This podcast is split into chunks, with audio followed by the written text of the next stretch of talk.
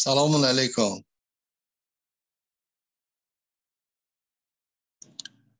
دوستان عزیز صدامو دارید؟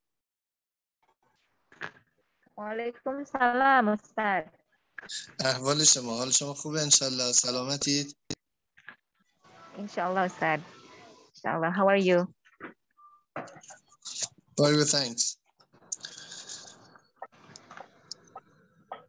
We are waiting for other friends. God willing السلام عليكم ورحمة الله وبركاته. سلام علیکم و رحمت الله. حال شما خوبه خانم سخا؟ الحمد لله بخیر. شما هم خوبید انشاءالله؟ خدا را شکر. الحمدلله رب العالمین. ممنون متشکر. دوستان جلسه حضور دارن؟ بله ما سه نفری هستیم. بله. اه، ظاهرا دو نفر دیگه هم باید حاضر باشن درسته؟ درسته. باش. ما یه چند لحظه باید صبر می‌کنیم که انشالله استاد مثل که بله.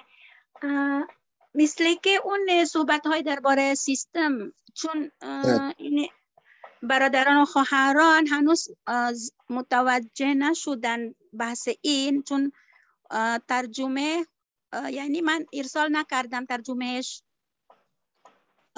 چون داره آماده ولی کامل نیست. امروز نمی‌تونم فردا شاید. شما میتون امروز هم ادامه اون درس سیستم اگر هنوز باقی مانده لطفا شما عرض بفرمایید. خدمت عرض کنم اون بحث تمام شد. ما یه بحثای دیگه داریم. چون تقریبا دو جلسه اون بحث رو من مطرح کردم دیگه به نظر می‌رسه صلاح نباشه. همون ادامه پیدا بکنه. ما امروز یک بحث دیگه ای داریم که با سیستم در ارتباط هست و اون بحث نظریه سایبرنتیک و کنترل اطلاعات و ارتباطات هست. بله این موضوع بله این موضوع بحث ماست نظریه های سایبرنتیک ولی خب با- سیستم ها کاملا پیوند داره. بله درسته. اون می‌تونی می‌توانید دیگه شما صحبت بکنید. ولی در لابلای اون من ترجمه نمی کنم ولی باز هم ضبط می‌کنیم. بعد از اون ترجمه می‌کنیم. آها بسیار خوب. پس من بحثم رو همینطور ادامه بدم صحبت رو بله. داشته باشم. باشه چشم.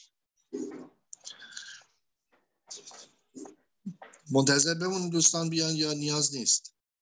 فکر می‌کنم نیاز نیست چون این مباحث. ادامه دار زد میشه بله چشم. اعوذ بالله من الشیطان الرجیم. بسم الله الرحمن الرحیم. الحمد لله رب العالمین و صلی الله علی محمد و آله الطاهرین ب- بحثی که امروز در خدمت شما هستیم بحث نظریه های سایبرنتیک هست و که به معنای کنترل اطلاعات و ارتباطات هست و اینکه چگونه در علوم سیاسی قابل قابلیت استفاده داره. در مقدمه بحث من این نکته رو عرض می‌کنم که یک نوع حشره ریزی وجود داره به نام کرم چوب که روی تنه درخت زندگی می‌کنه و برای اینکه زنده بمونه بایستی همواره در محیط های مرتوب حضور داشته باشه. به همین جهت همیشه در حال حرکت هست. از یک ناحیه خشک درخت به یک نواحی مرتوب درخت حرکت می‌کنه. وقتی ما به عنوان ناظر از بیرون به این حشره نگاه می‌کنیم به نظر می‌رسه که رف- رفتارش در عین سادگی از یک نوع هدفمندی و هوشمندی برخوردار هست در. در موجودات پیچیده ترین نوع رفتارهای هدفمند و هوشمند رو به صورتی مشخصتر میشه اه، مشاهده کرد برای مثال رفتارهایی مثل کمین کردن تعقیب کردن شکار حمله سازمان یافته تو بین شیرهای جنگل یا شیرهای در واقع بیشه وجود داره. هر مشاهدگری که شکار جمعی شیرها رو نگاه می‌کنه هوشمندی اونها رو تحسین می‌کنه. ولی هوشمندی رفتار شیرها با تمام جذابیت هایی که دارند در برابر هوشمندی انسان بسیار ناچیز هست. عالی ترین و پیچیده ترین نوع رفتار هدفمند و هوشمندانه رو میشه تو انسان مشاهده کرد.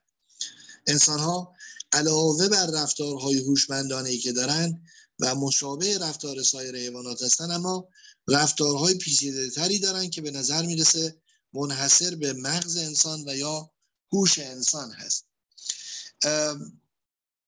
انسان توانایی این رو داره که تفکر انتظایی داشته باشه تفکر فلسفی داشته باشه.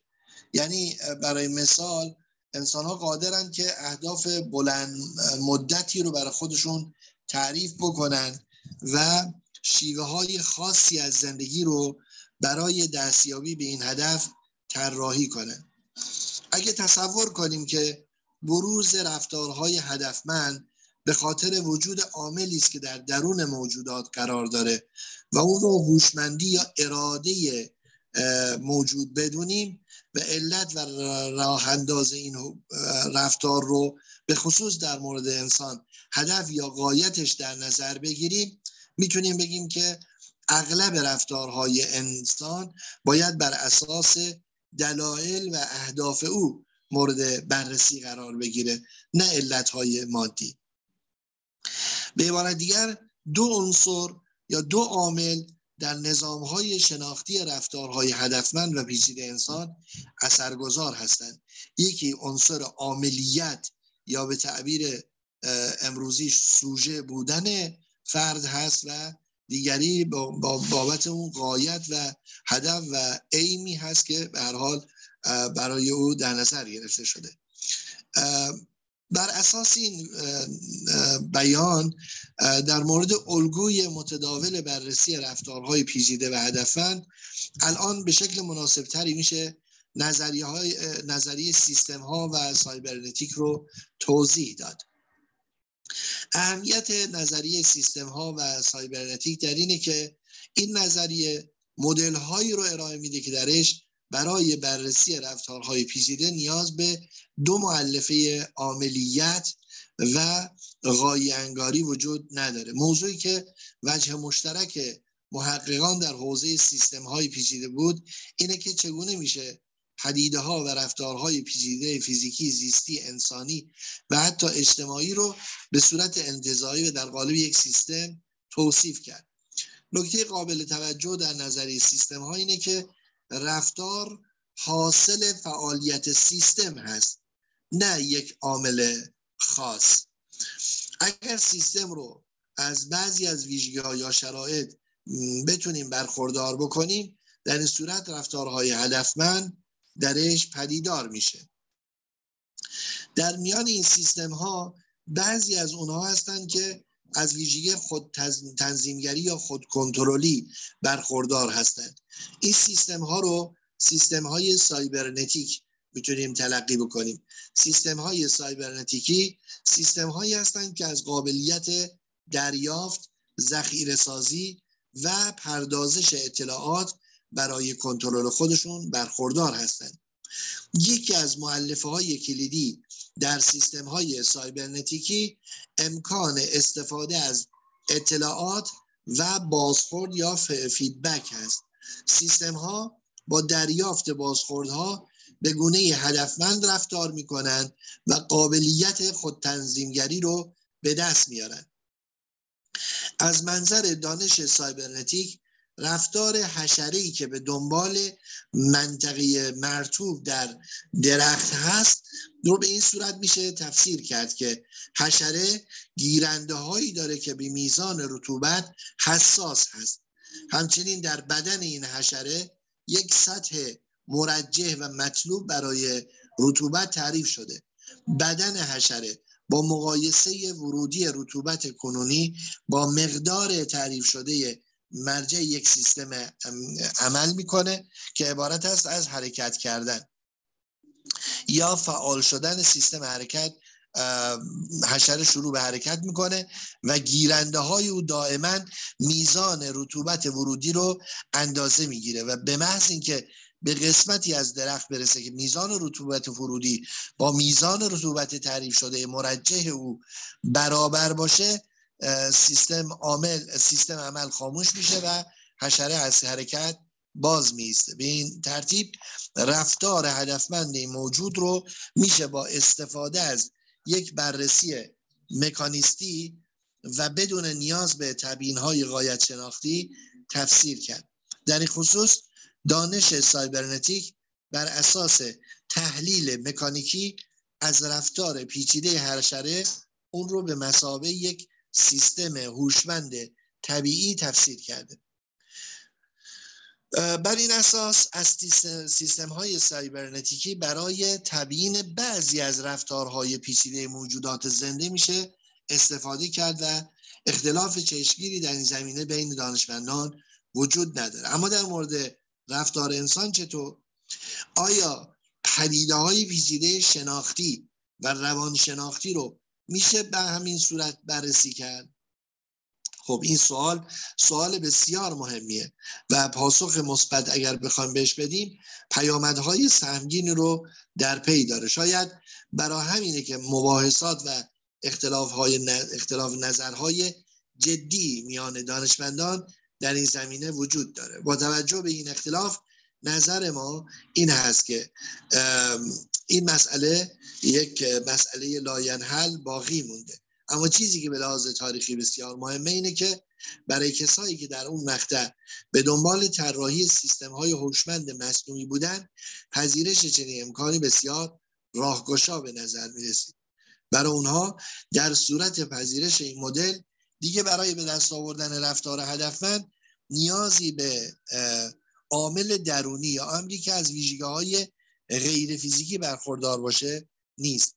این نگرش نقش مهمی در پیشبرد فضای علوم شناختی به سمت جلو داشته و کمک زیادی به پیشرفت حوزه هوش مصنوعی داشته.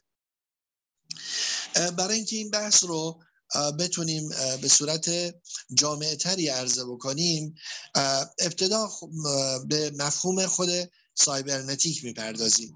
سایبرنتیک یک واژه یونانی کوبرنان به معنای هدایت راهبری و اداره کردن عکس شده و درباره مکانیسم ها و دینامیسم های ارتباطات اطلاعات و کنترل و نظارت در هستی موجودات بحث می‌کنه.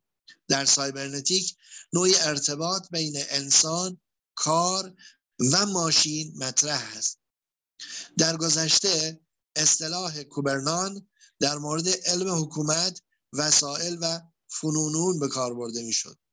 آقای نوربرت واینر در سال 1947 کتابی می نویسه و اون رو سایبرنتیک یا کنترل اطلاعات در حیوان و ماشین اسم می‌ذاره به نظر ایشون سایبرنتیک علم کنترل و ارتباط اطلاعات در مکانیسم ها، ارگانیسم ها و جامعه هاست. سایبرنتیک دانشی عام برای همه علوم و معارف عرضه شده است و محدوده خاصی نداره. از جمله در بحث الکترونیک، فیزیک، شیمی، اقتصاد، جامعه شناسی برای همه اونها دستورالعمل و روش کلی و قابل کنترل ارائه میده. حالا بحث فضای سایبرنتیک رو می‌خوام برای شما بیان بکنیم.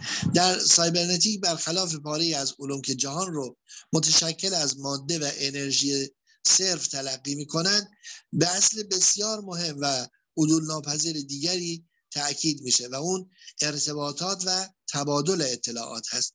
در سایبرنتیک همچنین به این نکته توجه میشه که ماده و انرژی بر اثر انتقال اطلاعات و جریان ارتباطات دارای معنا جهت و حرکت هستند و الا پدیده های انتظایی و غیر قابل شناخت خواهند بود.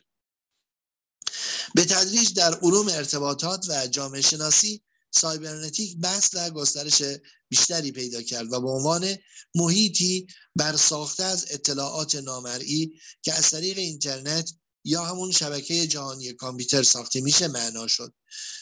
چون اساس نظریه سایبرنتیک رو علائم پیام ها و اطلاعات تشکیل میده. فضای سایبرنتیک مفهومی گسترده تر از این رو در بر می‌گیره و علاوه بر دامنهای متداخل و در این حال منفک و جدای ارتباطات دیجیتال و تکنولوژی های اطلاعات و اینترنت پست الکترونیک به اضافه تمام مجموعه آن سرویس اعلانات اتاقهای گپزنی سیستم های تصویرسازی دیجیتال هوش مصنوعی و سیستم های محیط دیجیتالی تعاملی رو هم شامل میشه. بعضیا فضای سایبرنتیک رو با حالت ذهنی و تصورات بسری که در واقعیت مجازی وجود داره تشبیه می‌کنن. اما واقعیت اونه که فضای سایبرنتیک از واقعیت مجازی هم فراتر میره و دامنه بسیار وسیع از ارتباطات و تعاملات انسان رو در بر می‌گیره. بنابراین با همه مقدماتی که بیان کردیم میشه ما اینجوری به صورت نسبتا جامع و مانع فضای سایبرنتیک رو با این مشخصات معین کنیم. سایبرنتیک اولا عبارت است از یک فضای روانی خیالی که در اون افکار در واقع مجذوب توهمی رویاگونه میشن. دوم دنیای مفهومی تعاملات شبکه‌ای شده بین افراد و آفریده های معنویشون و هر چیز همراه با این نوع شبکه ها و تعاملات ارتباط برقرار می‌کنن و سوم سایبرنتیک حالتی از اندیشه است که توسط افراد در ارتباط و به وسیله بازنمایی های دیجیتال زبان و تجربه حسی به اشتراک گذاشته میشه. افرادی که به وسیله زمان و مکان از همدیگه جدا میشن ولی به وسیله شبکه‌ای از ابزار فیزیکی دسترسی به یکدیگر متصل هستند به هر حال منظور از فضای سایبرنتیک ارتباطات موجود میان مجموعه سخت افزارهای تسهیل کننده ارتباطات میان انسان ها صرف نظر از فواصل زمانی و مکانی میان اونها و میان انسان و ماشین هست. در واقع به واسطه پیوند مضاعفی که بین فضا و معنا در فضای سایبرنتیک به وجود اومده. میشه اون رو یک رسانه ارتباطی و در عین حال جایی برای گرد آمدن مردم دونست. پس میشه فهمید که چگونه فضای سایبرنتیک در تعمین و تقویت بعضی از امور پدیده ها سازمان ها و گروه های اجتماعی دلایل ساختناپذیر پاره از پدیده ها و آنتروپی یا بینظمی بازدارنده در بعضی از تشکیلات اجتماعی می‌تونه کمک مؤثری در دریافت های جامعه شناسان داشته باشه.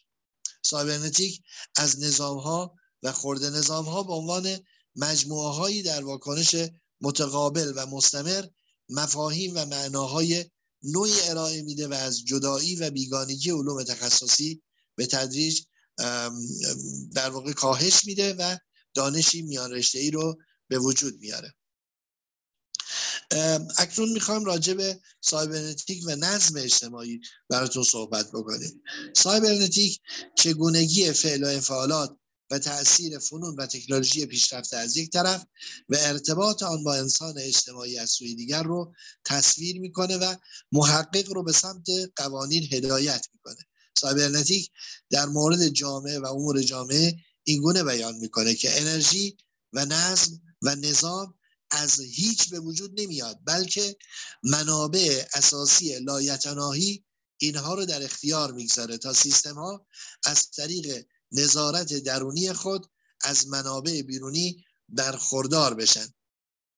اگر این منابع اساسی فقط به درون سیستم اکتفا کنه سیستم بسته خواهد شد چون سازمانده از سازماندهی بهره نیست. و به هر حال بینظمی تغییر نکرده و در نتیجه دریافت انرژی و نظم مختل میشه.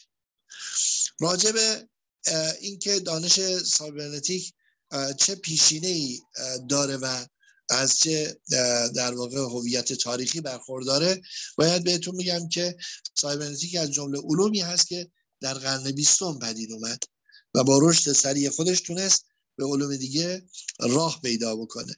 موضوع اصلی سایبرنتیک بررسی ماهیت کنترل در انسان، حیوان و ماشین است.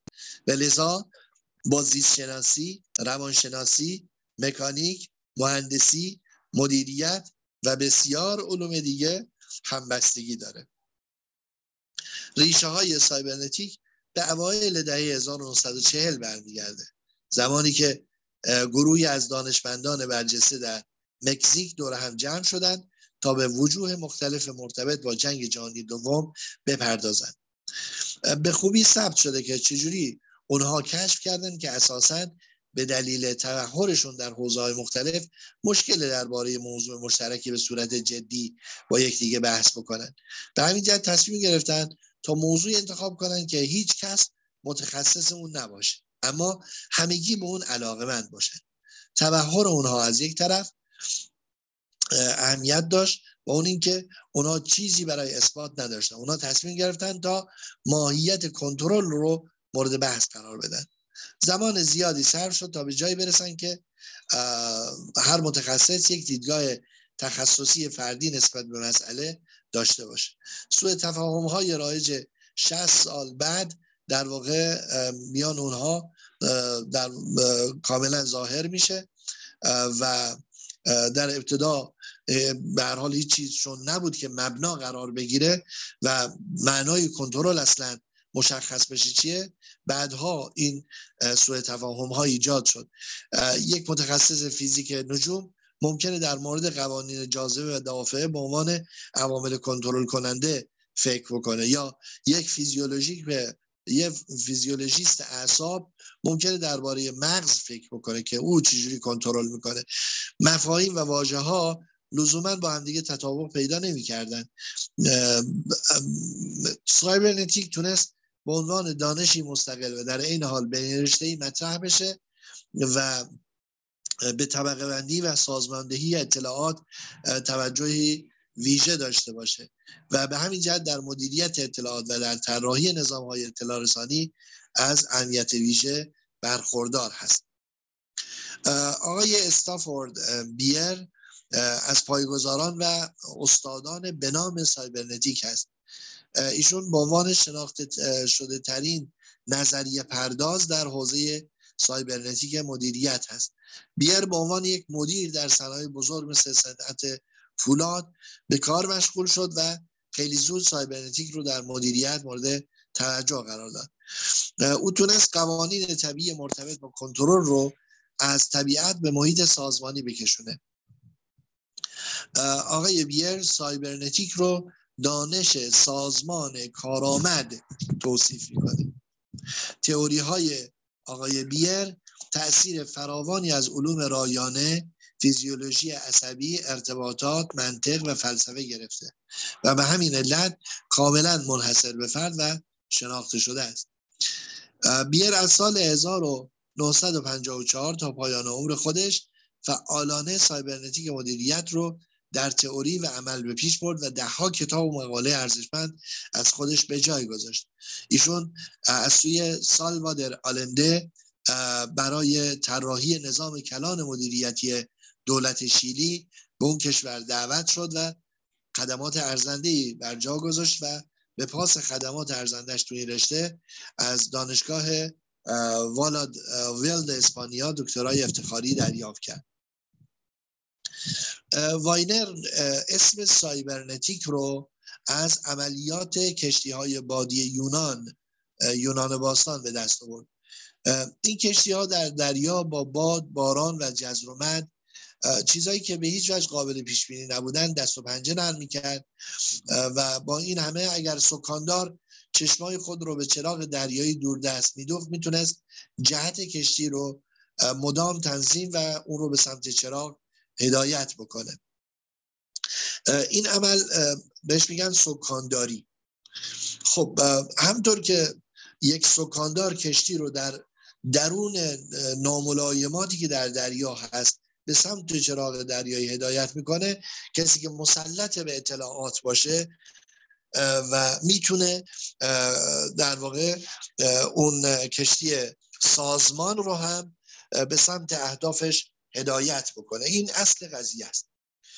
از زمان هومر تا کنون لغت یونانی که براتون مطرح کردم کوبرنت یا کوبرنان معادل سکاندار بوده و این لغت در سیر گذار به زبان لاتین از روم به گاورنیتور تبدیل شد که در انگلیسی به گاورنر یعنی حاکم در واقع معنا پیدا کرد. به همین جد میشه در واقع این رو یک علم حکرانی هم تلقی کرد.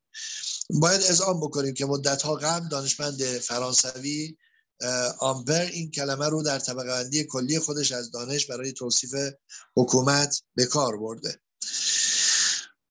واژه سایبرنتیک در بستر حوزه مدیریت و با گاورننس در واقع مرتبط هست.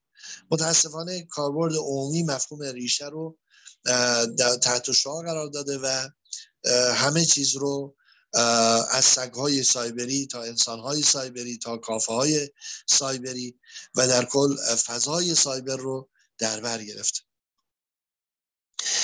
پیوند مستقیم و مورد تاکید میان این دو کلمه در زبان انتشار عجیب بود. این روزها روشن شده که کنترل جنایت تا حد زیادی به ارتباطات خوب بستگی داره. همینطور روشن شده که اقتصاد جهانی به واکنش های سریع پول و بازار بستگی داره. اما در نبود بصیرت عمیق به اهداف طبیعتا مشاهده این امور هیچ حاصل چندانی نداره. اونچه که فقدانش کاملا به چشم میاد. ساختمان یا الگویی هست که به هر حال مقصود و هدف رو مشخص کنه. تا ما پیچیدگی رو دخیل در کمیت نکنیم یا مشخص نکنیم که از لحاظ کمی چگونه بایستی ابزارها تنظیم بشن اون الگوی مورد استفاده ما نمی‌تونه الگوی کاملی باشه. یک بحثی رو باز در فضای سایبرنتیک داریم و اون کنترل درونی هست. دومین پیوند مستقیم مورد تاکید در تعریف اصلی واینر عبارت از اینه که در جانوران و ماشین ها این کنترل وجود داره. طبقه بندی دانش میان جاندار و بیجان یک تمایز بنیانین هست بنیادین هست. سایبرنتیک از ارتباط این دو سخن میگه و خود کنترلی یا کنترل درونی واژگان مناسبی برای این نوع پیوند است. هر کس که یک سیستم کنترل رو آزمایش کنه بلافاصله قبول می‌کنه که این سیستم تا حد زیادی وابسته به سرعت پاسخگوییشه. موفق ترین نوع کنترل اون هست که در درون خود فرایند خروج از کنترل تعبیه شده باشه. در صورت زمان پاسخگویی سرعت پیدا می‌کنه و در واقع تاثیر بسیاری داره. یکی از سوالات جدی در زمینه سایبر اینه که آیا ما تنها به نگهداری و سنجش و صنعت جاری و به مسائل قابل پیش بینی علاقه مند هستیم؟ البته اینطور نیست. ما علاقه داریم هر چی رو که ممکنه به ما مربوط بشه تشخیص بدیم. صرف نظر نیست که قابل پیش بینی باشه یا نه.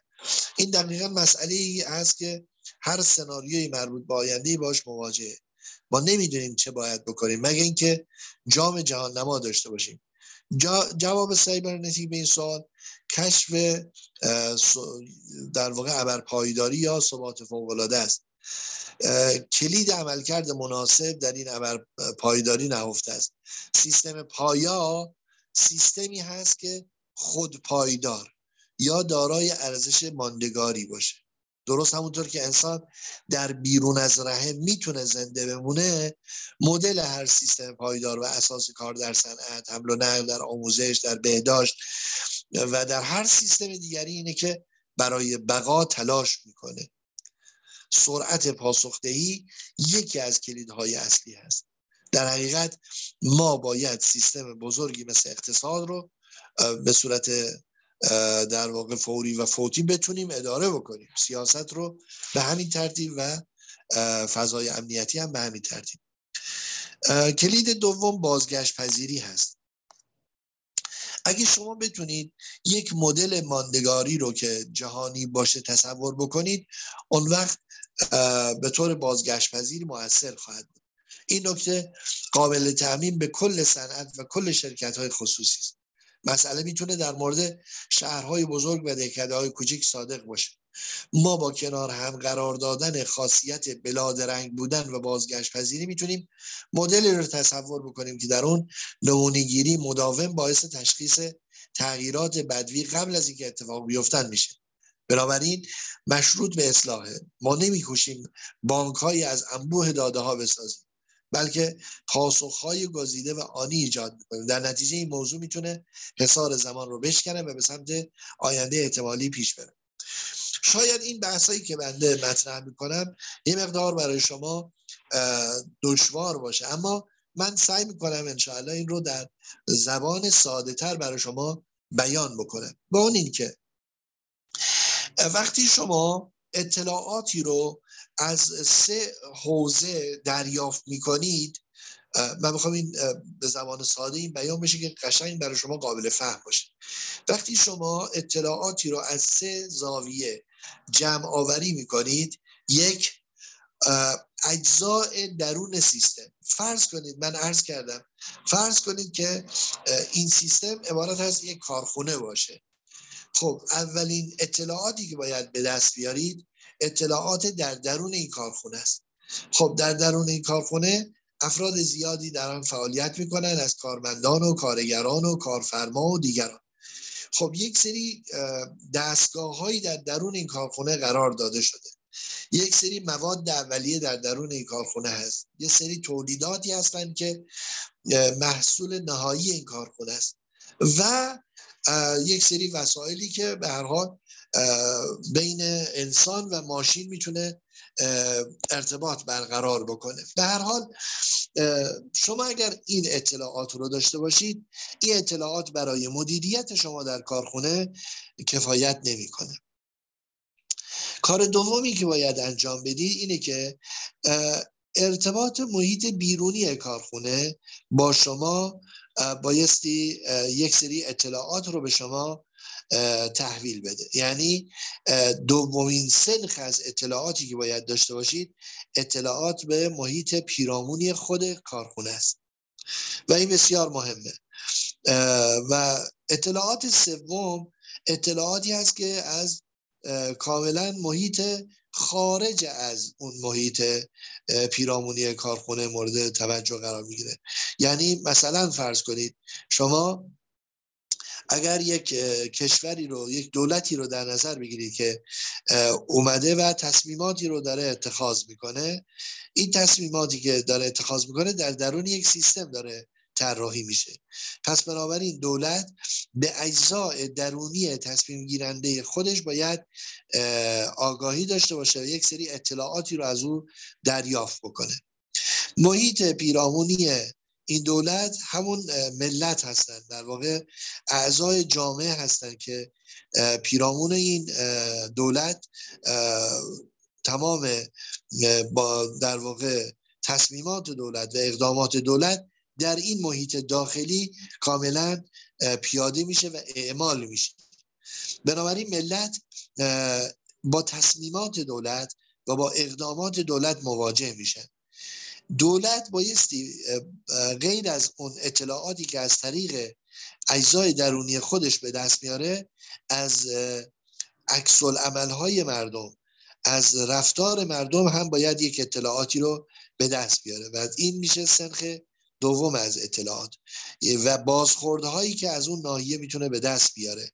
یعنی در واقع اطلاعاتی که با توجه به واکنش مردم نسبت به تصمیمات یا اقدامات دولت صورت می‌گیره یک سری اطلاعات هم از ناحیه محیط داخلی یعنی در واقع مردم اون کشور برای دولت حاصل میشه.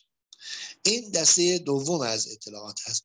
دسته سوم از اطلاعات اطلاعاتی هست که خارج از کشور.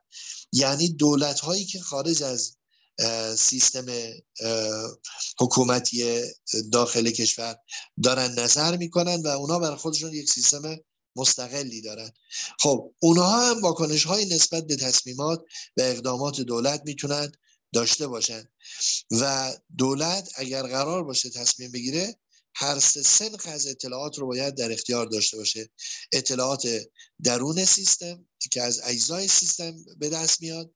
دوم اطلاعاتی که از محیط پیرامون خود اون سیستم یعنی محیط داخلی سیستم به دست میاد این رو هم باید در نظر داشته باشه و اطلاعاتی که کاملا خارج از محیط داخلی سیستم یعنی فضای کاملا بیرون یا از سیستم های دیگر به دست میاد باید به اون اطلاعات هم دسترسی داشته باشه. اما مجموعه این سه دسته از اطلاعات هم به درد دولت نمی‌خوره مگر زمانی که کسی در واقع عهدهدار این اطلاعات باشه که بتونه جامعه رو به یا اون سازمان رو یا اون کارخونه رو یا این حکومت رو یا دولت رو به اهداف خودش بتونه برسونه. مثل یک سکانداری عمل بکنه که در تلاطمهای شدیدی که برای جامعه ایجاد میشه بتونه اونها رو به اون هدف برسونه. و این نکته است که علم سایبرنتیک به ما داره بیان می‌کنه. شما باید اطلاعات گسترده ای از سیستم محیط داخلی سیستم و محیط خارجی سیستم باید به دست بیاری و در این حال بتونی تجزیه و تحلیل بکنی این اطلاعات رو و نهایتا در دانش اداره اون سازمان بتونی ازش استفاده بکنی اطلاعات چیزی هست که می‌تونه ما رو متحول بکنه. به هر حال این اطلاعات باید اطلاعاتی باشه که تحول رو در بیرون هم بتونه ایجاد بکنه. ما نمی‌خوایم مدیریت رو با مجموعی از خود اطلاعات بی اهمیت به دست بیاریم. چون اطلاعات بی اهمیت نه تنها سودمند نیست بلکه این اطلاعات بی اهمیت مدیریت ما رو هم مختل می‌کنه. باید اطلاعاتی به دست بیاریم که بتونه در عرصه مدیریتی کلان سازمان کاملا برای ما مفید واقع بشه. به هر حال باید بتونیم خطرات جدیدی رو که در سازمان ایجاد میشه به نحوی کنترل بکنیم که تا مدیریت بتونه نسبت به اون سریعا واکنش نشون بده. منظور اینه که هر مدیری در هر سطحی که باشه یک اتاق عملیات باید داشته باشه. یعنی یه اتاقی که افراد در اون بتونن سریعا تصمیم گیری بکنن سریعا اقدام بکنن و بدونن و نسبت به اطلاعات مختلف در واقع تسلط داشته باشن. این مسئله باعث میشه که مدیریت تسهیل بشه و اون رو از کاغذ بازی که در ادارات وجود داره خلاص بکنه.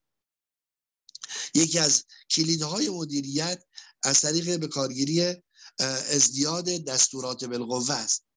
بر پای نظریه تعامل مدیران در اتاقهای عملیاتی عملکرد مدیریتی قویتری رو نسبت به اونچه که از راه شیوه های مدیریت سنتی حاصل میشه امکان, امکان پذیر می‌کنه.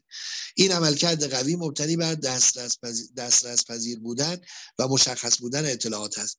یعنی اگر شما بتونید به هر حال یک قرارگاه عملیاتی درست بکنی از کسانی که اینها تصمیم گیرنده هستند و می‌تونن به صورت عملیاتی یک کار رو به پیش ببرن.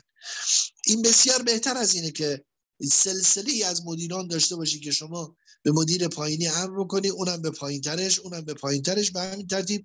تا به اون نفر آخر که برسه خب معلوم نیست دستورالعمل همون گونه که باید به اون فرد انتقال داده بشه انتقال داده بشه یا اینکه اصلا او بتونه اون مدیریتی رو که باید و شایسته هست اعمال بکنه. فرض کنیم الان خب در ایران همینطور که اطلاع دارید به هر حال یک ساختمانی در شهر آبادان فرو ریخته و خب اینجا برای اینکه این ساختمان هرچه سریعتر تخلیه بشه و افرادی که زیر این ساختمان موندن اینا بدنهاشون از این زیر ساختمان آزاد بشه نیازمند یک مدیریت یک پارچه است. مدیریتی که بتونه سریعا و آنی تصمیماتی رو اتخاذ بکنه و بتونه کار رو با سرعت بیشتری به پیش ببره. خب در اینجا اگر قرار باشه که مثلا دولت در همون تهران بخواد مدیریت بکنه این کار موفق نخواهد بود. باید به نحوی مدیریت صورت بگیره که در همون محل اولا مدیریت صورت بگیره و ثانیا همه مدیرانی که تصمیم گیرنده هستند و مدیریت عملیات رو بر عهده دارن اونا در همون منطقه باید باشن. سریع تصمیم بگیرن سریع عمل بکنن و نهایتا بتونن کار رو به پیش ببرن. این نحوه از مدیریت قرارگاهی که همه دستورات سریعا می‌تونه انتقال پیدا بکنه و بحران در جا حل بشه این رو به عنوان مدیریت سایبرنتیک یا اطلاعاتی در واقع نظریه درخواست می‌کنه که باید این گونه باشه. در اکتبر سال 1972 در شیلی یه تلاش قدرتمندانه برای براندازی دولت از سوی مخالفان سیاسی با کمک سازمان جاسوسی آمریکا CIA انجام گرفت. مشاغل کوچیک در قالب اتحادیه از نظر مالی پشتیبانی شدن تا نوعی محاصره رو ایجاد بکنه هدف این جریان برانداز این بود که نیازهای معمولی مردم مثل غذا، سیگار، بنزین از دسترس خارج بشه و دولت مقصر جلوه بده داده بشه و به همین جهت طرف تصمیم گرفتن که یک مرکزی رو دایر کنن که دائما فعال باشه. یعنی یک گروهی که بتونن سریعا تصمیم بگیرن سریعا فرماندهی می‌کنن و سریعا کار رو به پیش ببرن. هرچند که هیچ طرح خاصی برای توضیح منظم اطلاعات طراحی نشده بود اما ظاهرا یک چنین چیزی لازم بود تا اینها بتونن تعدادی از وزرا و کارمندای کلیدی رو درگیر کار بکنن تا نهایتا بتونن با این جریان برانداز مقابله بکنه. خب دولت شیری باید این وزرا و کارمندا رو جوری چیدش می‌کرد که بتونه اون جریانی رو که به طور, طور متمرکز به صورت قرارگاهی دارن عملیات علیه دولت انجام میدن رو باشون مقابله بکنه. تنها میگن یک رایانه برای یا کامپیوتر برای کلیه امور در اختیار بود. سایر ارتباط ها از طریق تلکس انجام می شد هشت تیم طراحی شدن در ظرف 24 ساعت پیام ها بی وقفه و با در سر ساعت ارسال می شد وزرای دولت شیلی در کنار این تیم ها دستورات لازم رو صادر می کردن اونا در همون اتاق عملیات در واقع استراحت می کردن یعنی خوابشون هم تو همون اتاق عملیات بود. خب این در واقع همون ازدیاد دستورات بالمقوه است که در عمل و به صورت فوری به درستی اعضایی از دولت رو که تا اون زمان صرفا از نظر ذهنی مایل به پذیرش این رفتار بودن متقاعد می‌کنه که اینا به این صورت عمل بکنن خب جالبه برای شکست دادن عملیاتی که علیه دولت شیلی صورت گرفته بود این الگو الگوی بسیار جالبی بود.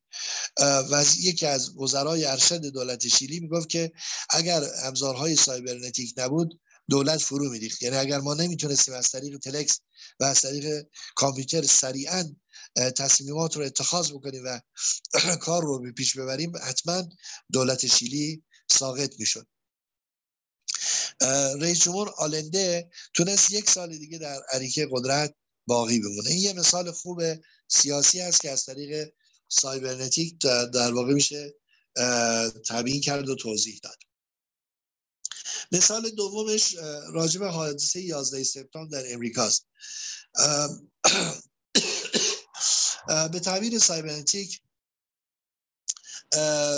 این مبحث این در واقع حادثه متفاوت از تعبیری هست که رهبران جان ارائه کردن و به همین جهت راهکارهایی که در حال حاضر پیگیری میشه از منظر سایبرنتی کاملا اشتباه است. در همون ابتدا توصیفی که رهبران جان ارائه کردن وصف یک تهاجم بی هدف بی معنی و نامناسب بود. همیشه بایستی در مقابل چنین پیشناوری های اولیه ابراز تاسف کرد. اگر یادتون باشه دولت امریکا مطرح کرد که یه جنگ صلیبی در, در پیشه و باید در برابر مسلمان ها ایستادگی کرد. خب این این رفتار رفتار بسیار نامناسبی بود و تصمیم تصمیم نامناسبی بود که اتخاذ شد و یک تهاجم بی هدف بی معنا توسط رئیس جمهور امریکا مطرح شد. خب واقعا وقتی واضح و روشن نیست که چه چیز و چرا در حال لخ دادن هست باید افراد اجازه بدن که یک زمینه ای فراهم بشه تا بتونن دلایل اصلی حادثه شناسایی بشه. در حادثه انفجار برج های دوقلو یکی از پایه ها و نشانه های سلطجوی بین المللی سرنگون شد. این سلطه از سوی میلیون ها نفر به ویژه در جهان سوم استفاده غیر قابل قبول از قدرت اقتصادی فرهنگی و سیاسی تلقی شد در بسیار از کشورها مردم همیهنان خودشون رو می‌دیدن که توسط بمب های آمریکایی سلاخی و بیا با تحریم های این کشور دچار قحطی شدن. دولت های قانونیشون اغلب سرنگون می‌شد. دستشانده های آمریکایی جایگزین اونا می‌شد. در عمل متخصص سایبرنتیک می‌دونه که اطلاعات قدرت هست. اگر درست به کار گرفته بشن میشه در واقع در برابر هیمنی قدرت های بزرگ هم ایستادگی کرد. به نظر می‌رسه که 50 یا 60 کشور در شبکه‌ای که در حادثه سپتامبر این قدرت اطلاعاتی رو بسیج کرد می‌تونه دخالت داشته باشن مسئله صرفا داشتن یک پایگاه اطلاعاتی نیست. متخصص سایبرنتی می‌دونه که منابع می‌تونن در فرایندی تقویت بشن که اینها رو به عنوان کنترل درونی می‌تونیم تلقی بکنیم این نکته مهمه که چه کسانی از این تخصص سایبرنتی برخوردارن و با چه هدفی می‌خوان این رو استفاده بکنن. خدمت ارز بکنم ما نیاز داریم که در اونجا هدف رو تعریف بکنیم همینطور که عرض کردم.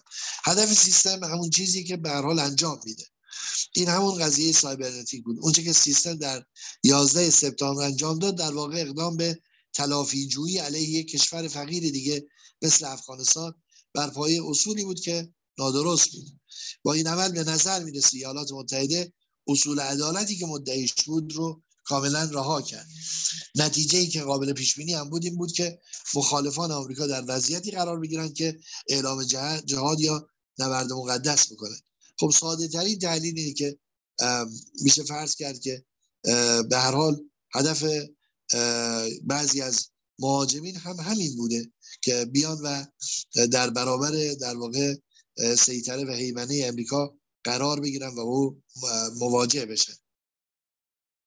اما عملا چطور باید با این بحران مواجه می شدیم که این همه موجب نارضایتی رو فراهم نمی کرد 20 سال تمام امریکا در افغانستان باقی موند و هیچ دستاوردی مثبتی نداشت مگر اینکه جز اینکه ملت افغانستان رو بیچاره کرد و بسیاری از اونها رو با سلاحهای خودش از بین برد و حتی جریان های تکفیری رو ایجاد کرد و باعث شد که در افغانستان این مردم افغان نتونن به یک صلح و ثبات و امنیت پایدار راه پیدا بکنن. و نهایتا هم دیدید که به هر حال طالبان در رأس قدرت قرار گرفتن. همونایی که زمانی امریکا با اونها مقابله می‌کرد و هدفش این بود که بتونه اونها رو کاملا سرکوب کنه و از بین ببره. اما خود امریکا با فراری که نیروهای خود نیروهای امریکایی از افغانستان داشتن زمینه رو برای استقرار کامل نیروهای طالبان در افغانستان فراهم کرد. این نشون میده که در واقع تصمیم دولت مردان آمریکا و اقداماتی که این انجام میدن اقدامات کاملا نابجا و قابل مناقشه است. به هر حال نکته اساسی در 11 سپتامبر این بود که ایالات متحده و نظام سرمایهداری جهانی همواره بایستی با تصاویر کریه و زشت خودش روبرو بشه. برای شروع هم همین دوران جورج بوش کفایت می‌کرد که نوع رفتارش رو رفتار غرب رو رفتار نظام سرمایداری کاملا زیر سوال بره. شاید اون کسانی که عملیات انجام می‌دادن بیش از این انتظار نداشتن که نظام سرمایداری و چهره کریه خودش رو نشون بده. خب با توجه به آماری که در این زمینه بیان کردن که چهل هزار کودک در اثر قهدی و کمبود آب بهداشتی تلف شدن این نشون میده که در واقع به جای ایجاد یک اشتغال مولد به جای ایجاد یک فضای مناسب برای امنیت مردم و کار و اشتغال مردم این تلفات سنگین برای مردم به جامون و رشد مواد مخدر و دخانیات و کشت خشخاش در افغانستان برای یک تجارت بین المللی مواد مخدر فراهمتر شد. به هر حال اینها نشون میده که دولت امریکا به رغم داشتن اطلاعات وسیع نتونست از این علم سایبرنتیک برای اداره درست حادثه و برنامه مناسب برای مواجهه با این عوامل اقدامات لازم رو انجام بده. این هم مثال خوبی بود که خواستم خدمتون مطرح کنم. مثال سومی هم ما در کشور خودمون داریم که جالب هست و اون ایجاد قرارگاه سالم یا ستاد کرونا در جمهوری اسلامی به فرمان مقام معظم رهبری هست. خب این قرارگاه وقتی تشکیل شد همه نهادهای رسمی و غیر رسمی موظف بودن که از این قرارگاه یا ستاد کرونا استفاده کنند. اطلاعات بعد از تحلیل نهایی توسط صداد ارزیابی می‌شد و اقدامات اقدامات لازم با سرعت بر اساس موقعیت ها و زمین های عمومی به اجرا در می اومد خب این یک الگوی بومی بود که نه متاثر از الگوی چینی بود که قرنطینه عمومی رو در نظر داشت و نه متاثر از الگوهای غربی بود که یک نوع رهاسازی رو در عرصه بهداشت دنبال کردن. کاری که صورت گرفت در ستاد کرونا این بود که اطلاعات از کل کشور جمعآوری بشه. از محیط بین الملل راجع به واکسن ها و نوع واکسن هایی که هست اطلاعات دریافت بشه. عملکرد دولت ها مورد توجه قرار بگیره از تجارب دولت ها استفاده بشه و نهایتا تصمیمات قاطع گرفته بشه. راهبری ساماندهی مدیریت در اینجا بسیار مهم بود. شکلی اتاق عملیات اهمیت داشت. کنترل اطلاعات مهم بود و واکنشی سریع و پاسخگویی به موقع در برابر خطرات احتمالی هم بسیار اهمیت داشت. بانک اطلاعات و ذخیره سازی اطلاعات هم بسیار اهمیت داشت. خب نهایتا اگرچه در یک مقطع تاریخی در دولت قبلی بعضی از اقدامات در همون قرارگاه هم موفق نبود و به نتیجه نرسید اما با اومدن دولت جدید و روحیه انقلابی که در دولت جدید وجود داشت این مسئله تونست با سرعت بیشتر ادامه پیدا بکنه. واکسن هایی که از کشورهای دیگر از جمله چین و روسیه دریافت شد و همچنین تولید واکسن های متعددی که در ایران شکل گرفت زمینه رو فراهم کرد به اینکه ایران بتونه با سرعت خودش رو به یک معمنی در رابطه با مسئله سلامت برسونه و تعداد کسانی رو که به هر حال در اثر کرونا از دست میرن به کمتر از عدد ده برسونه. و این موفقیت موفقیت بسیار خوبی بود که به دلیل اون روشی که در علم سایبر مد نظر هست که باید یک قرارگاهی شکل بگیره که در اون قرارگاه همه اطلاعات به مدیران واصل بشه و مدیران در کنار همدیگه تصمیمات عملیاتی نسبت به مسئله بگیرن و سریعا بتونن فرمان صادر کنن دستور عملیاتی صادر کنن و مجموعه هایی که با اونها ارتباط هستن و درگیر هستن بتونن به صورت مستقیم دستورات رو از خود شخص در واقع رئیس دولت یا در واقع معاون دولت دریافت کنن تا کار رو با سرعت بیشتر ادامه بدن. اگر نیاز به بودجه باشه سریعا تصمیم گرفته بشه بودجه پرداخت بشه. اگر نیاز باشه که مثلا افراد بیشتر بشن به همین ترتیب این کار باعث شد که به حمدالله در واقع جمهوری اسلامی در عرصه بهداشت و سلامت تونست با موفقیت کار رو به پیش ببره. یکی از نمونه های عملیات این ستاد این بود که با کمک ارتش تونست یک بیمارستان رو چند تا بیمارستان رو در ظرف مدت کوتاه یک هفته دایر بکنه و کار رو به نحوی پیش ببره که بتونه به این نتایج خوب راه پیدا بکنه. به هر حال علم سایبر به نظر می‌رسه در اینجا برای ما از این جهت مفیده که بدونیم در خصوصا در مواقع خاصی که یک حادثه ای کشور باش مواجه میشه. چگونه میشه؟ با اون حادثه مواجه شد و کار رو با سرعت و دقت بسیار بالا به پیش برد. این مجموعی از بحثایی بود که در رابطه علم سایبر خدمتتون مطرح کردم. اما در انتها فقط می‌خوام یک مروری به بحث داشته باشم نسبت به اونچه که بیان شد. من خلاصه و به طور فشرده علم سایبر رو علم اطلاعات و ارتباطات می‌دونم و معتقدم که این علم یک سری اطلاعاتی رو از اجزاء درون سیستم از محیط داخلی سیستم و از محیط خارجی سیستم میگه باید این اطلاعات به ما داده بشه و وقتی اطلاعات جمع آوری شد باید یک مدیریت قوی به صورت قرارگاهی این اطلاعات رو تجزیه تحلیل بکنه و واکنش سریع نسبت به اون در واقع اطلاعات داشته باشه. برای اینکه این کار موفق باشه مدیران باید در کنار هم دیگه باشن. و نه به صورت سلسله مراتبی بلکه در کنار یکدیگر به صورت یک اتاق عملیات در کنار هم دیگه باشن و تا بتونن به صورت موفقیت آمیز یک کار رو به نتیجه برسونن.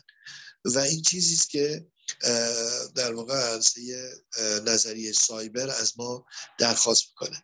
اما اشکالی که در نظریه سایبر وجود داره و من به عنوان انتقاد می‌خوام مطرح بکنم اینکه در این علم سایبر اصلا بیان نمیشه که چه نوع هدفی و با چه ارزشی بایستی مورد توجه قرار بگیره تا همه اطلاعات و همه در واقع اقدامات اعضا در راستای اون هدف صورت بگیره چون وقتی ما هدف ارزش هدف رو نتونیم تشخیص بدیم نمی‌تونیم بگیم که همه امکانات باید در اختیار اون هدف قرار بگیره. بنابراین علم سایبر اصلا به ارزش هدف توجه نداره و فقط میگه که باید به سمت هدف ما برنامه‌ریزی بکنیم تا بتونیم نتیجه بدیم. اینم نکته اول. نکته دوم یا انتقاد دوم از علم سایبر این هست که بیان نمی‌کنه که این اطلاعات و داده ها در رابطه با دریافت در برای رسیدن به هدف چگونه باید تجزیه و تحلیل بشه. فقط بیان می‌کنن که باید این تجزیه و تحلیل بشه و, و بعد به سرعت هم در واقع اقدام صورت بگیره. خود این سرعت اقدام هم باز مشخص نیست که سرعت اقدام آیا مربوط به هر نوع عمل هدفمند دولته یا نه. فقط اعمالی که در کوتاه مدت باید یک اقدام صورت بگیره. به عبارت دیگه اگر ما یک هدف بسیار بلند مدت داشته باشیم اقدامات فوری و عاجل اون اتاق فکر یا اتاق عملیات خیلی منطقی نخواهد بود. در رابطه با اهداف بلند مدت ما می‌تونیم برنامه ریزی دقیقتری انجام بدیم و به صورت مقدماتی و تدریجی گام به گام به سمت اون هدف راه پیدا بکنیم. نه به صورت فوریت و عجله و تعجیل.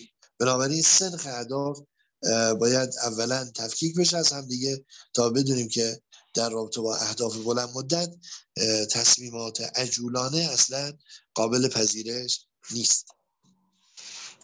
نکته چهارم هم که می‌خوام خدمتتون عرض بکنم در نظریه سایبرنتیک یا بحث اطلاعات و ارتباطات مسئله نحوی ارتباطات هم خیلی بیان نشده. یعنی مثلا فرض کن قرارگاه عملی بین وزرای دولت داره شکل می‌گیره. اون وقت این قرارگاه در کجا باید مثلا چگونه باید مستقر بشه؟ آیا در کنار همون محل حادثه باید این قرارگاه صورت بگیره شکل بگیره یا نه؟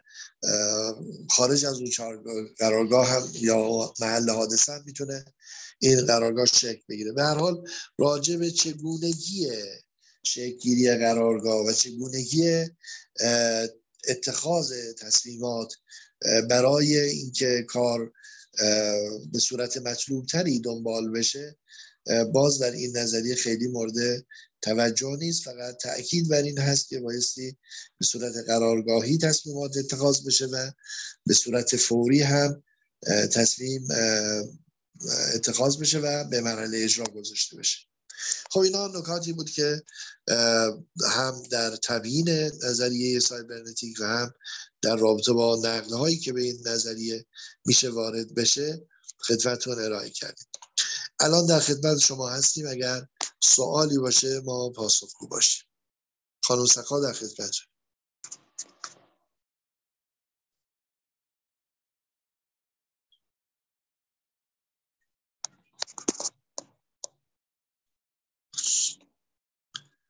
خانم سقا اگر سوالی هست در خدمتتون هست.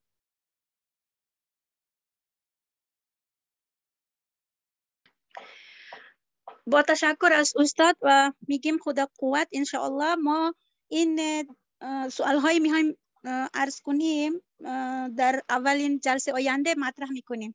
چون این خیلی سوال های پیش میاد در این سیستم سیبری. وقت هنوز مثل که کمه. Agar kawan-kawan ada yang ingin bertanya, dipersilakan.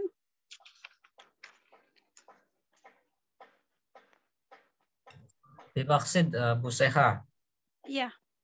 Ya, uh, kami hanya memahami sedikit dan meraba-raba ya. Mungkin uh, bagaimana uh, caranya bisa kita lebih uh, seperti biasanya kelas yang lain ada penerjemahannya kalau boleh usul mungkin uh, Prof. Komedi memberikan uh, materi bahan gitu ya, entah itu uh, teks atau uh, ceramah gitu, kemudian uh, ada mutarjim, setelah itu kita baca dan uh, bisa memberikan uh, feedback atau pertanyaan. Iya, dalam tempo satu dua hari ini, insya Allah apa namanya apa yang telah dibentangkan oleh Ustadz nih akan dikirim ke grup dan menjadi bahan uh, simakan untuk memunculkan pertanyaan-pertanyaan.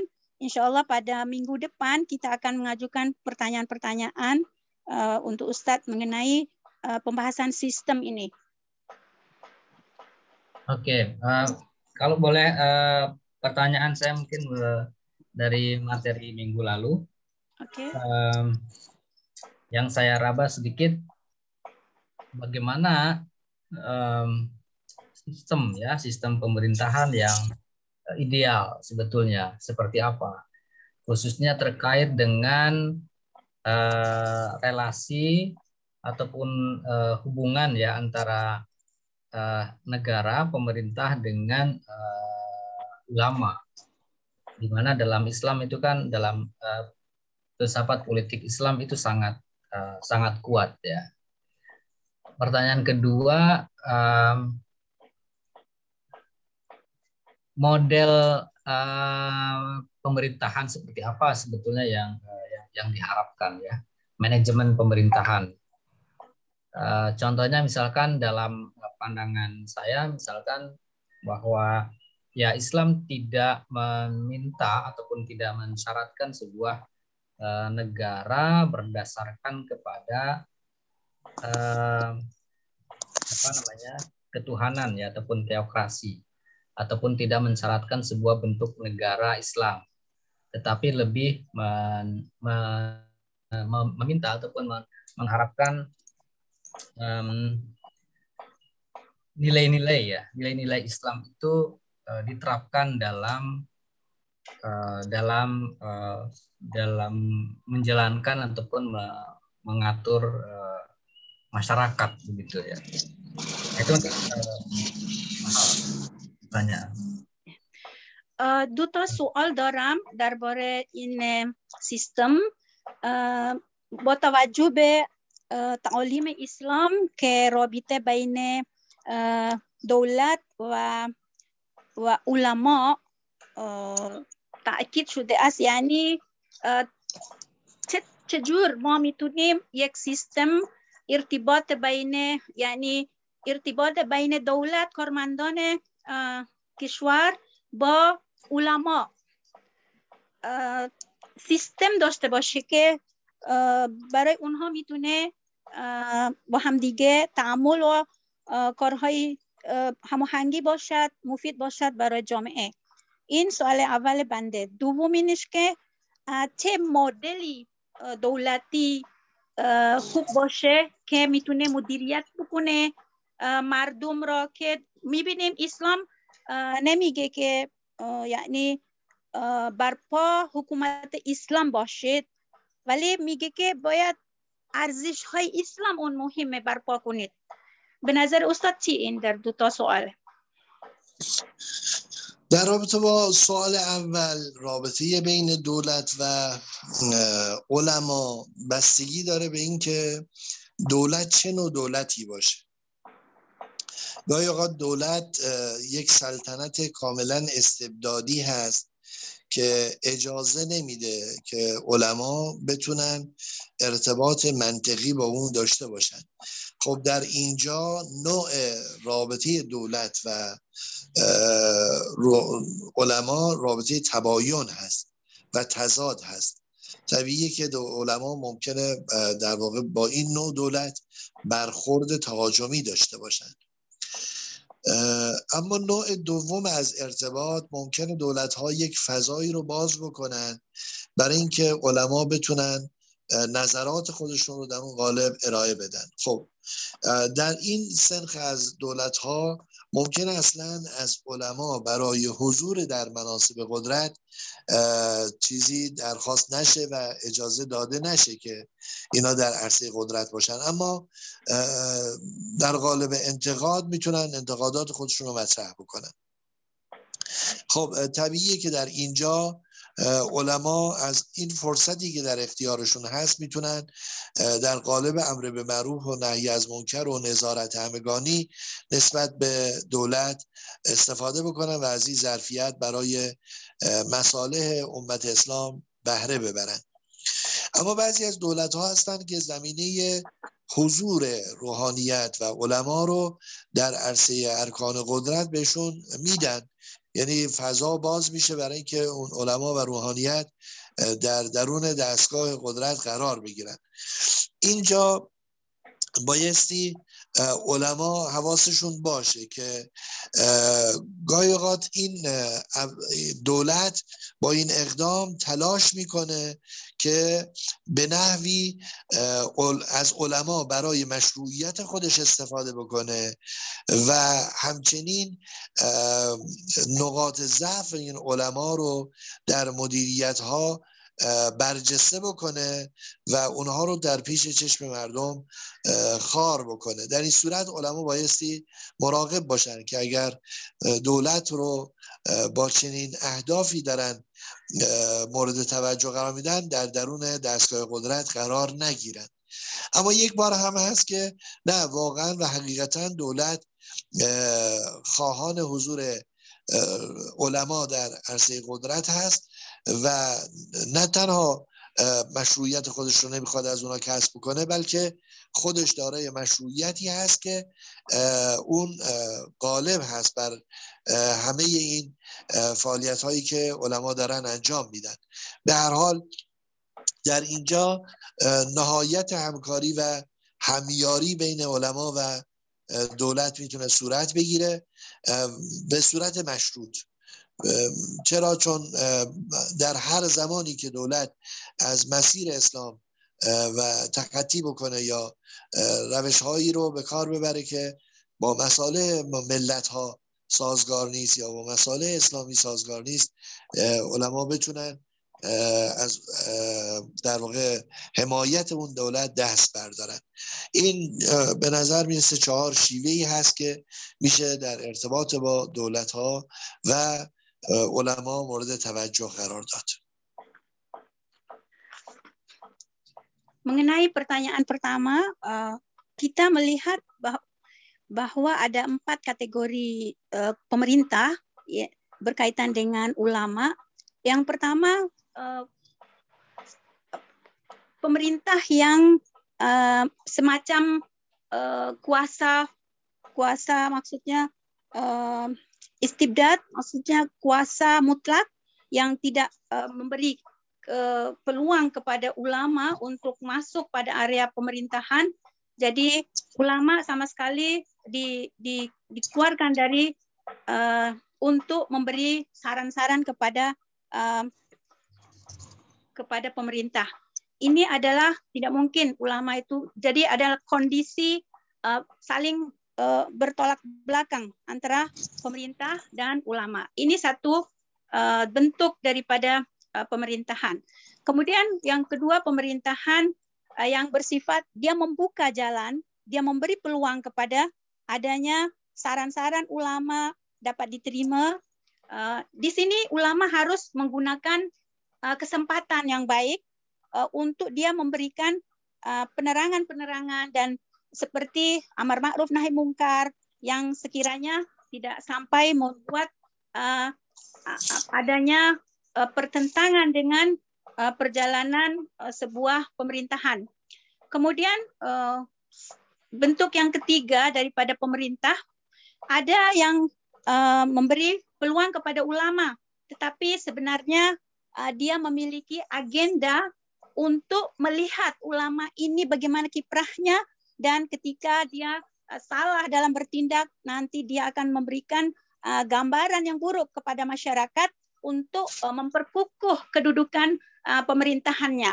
Jadi ini uh, bentuk yang tiga ini diperlukan kehati-hatian bagi para ulama ketika suatu pemerintahan membuka lebar untuk uh, untuk peranan ulama masuk dalam pemerintah. Adapun yang keempat adalah satu kondisi pemerintahan yang memberi peluang kepada ulama dengan hati ikhlas, dengan menerima dengan baik dan berusaha untuk mencari solusi bersama, uh, saling satu antara antara pemimpin uh, negara itu dengan ulama saling berkolaborasi untuk menyelesaikan masalah dan ini adalah satu kondisi yang ideal untuk sebuah bentukan pemerintahan dan bersama ulama.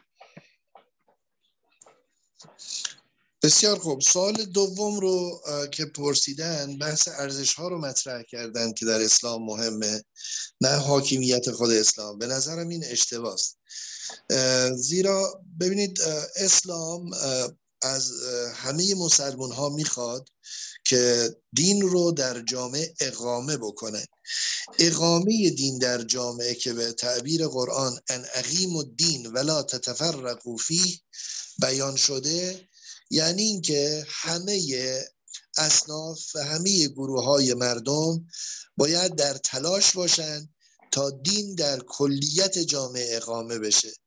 اقامه دین در کلیت جامعه است که باعث میشه که تفرقه در بین افراد شکل نگیره. اگه دولت بخواد اقدامات مربوط به دنیا رو انجام بده و علما صرفا به مسائل معنوی بپردازن و دو عرصه کاملا منفک و ممتاز باشه در این صورت اگر تعارضی بین دولت و علمای دین اتفاق بیفته مردم نمی‌دونن چی کار باید بکنن وظیفه چیست. اما اسلام این وظیفه رو مشخص کرده و بیان کرده که کل جامعه باید یک پارچه بشه. یعنی از رأس حکومت تا پایین ترین مراتب حکومت باید الهی بشه. باید توحید عملی در همه ساختارها و در همه تصمیمها و در همه برنامه ها دنبال بشه و اجرا بشه. اگر دولت و حکومت برنامه هاش سیاست هاش و اهدافش با دین یک پارچه بشه و بر اساس او اقدام بشه و کسانی که در رأس قدرت قرار می‌گیرند کسانی باشند که متخصصترین افراد در عرصه دین و مدیریت جامعه هستند. در این صورت کار برای مردم بسیار آسان خواهد بود. مردم بر اساس فطرتشون بر اساس اون وحدتی که بر هویت خودشون هست وحدت جامعه رو هم سعی می‌کنن حفظ بکنن و بر اون اساس پیش برن.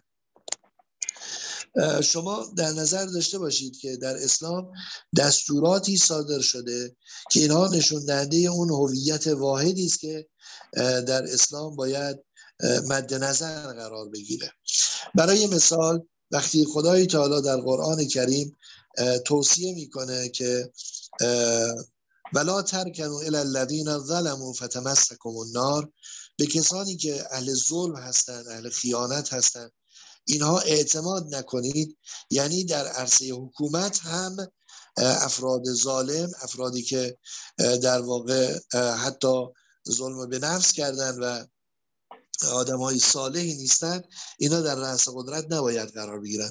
کسانی که در سمت های خودشون دچار فساد اخلاقی شدن فساد مالی شدن فساد در عرصه سیاسی شدن خب اینا نمی‌تونن صلاحیت این رو که در رأس قدرت قرار بگیرن ندارن. و تعبیر قرآن هست ولا ترکنو الی الذین ظلموا فتمسکم النار. یا اینکه مثلا قرآن کریم میفرماد که افراد نباید تمایل به غرب به در واقع بیگانگان داشته باشن خصوصا دشمنان اسلام. به دشمنان اسلام از کفار و همچنین اهل کتاب نباید نسبت به اونا در واقع رغبتی نشون بده که باعث بشه اونها در جامعه سلطه پیدا بکنن. پس بنابراین وقتی خدای تعالی مانع میشه از اینکه کسی با علاقه و با محبت نسبت به کفار و در واقع اهل کتاب بر اساس اون بخواد مدیریت رو داشته باشه خب معلومه که به کفار و اهل کتاب هم اجازه نمیده که بر مسلمان ها سیطره داشته باشن و سلطه داشته باشن. نهایتا دین اسلام از مردم می‌خواد از مسلمان ها می‌خواد یک جامعه داشته باشن که در او انسان های مؤمن در واقع حاکم باشن. انسان هایی که خداخواه هستن و خداجو هستن. اینکه در قرآن کریم بیان می‌کنه که لا یجعل الله للکافرین علی المؤمنین سبیلا. یعنی اینکه خدا هیچ راهی برای سلطه کفار بر مؤمنین قرار نداده. به این معنی است که یعنی مؤمنین بایستی در همه عرصه ها از کفار مستقل بشن. در فرهنگ باید مستقل باشن. در علم باید استقلال داشته باشن. در اقتصاد باید استقلال داشته باشن.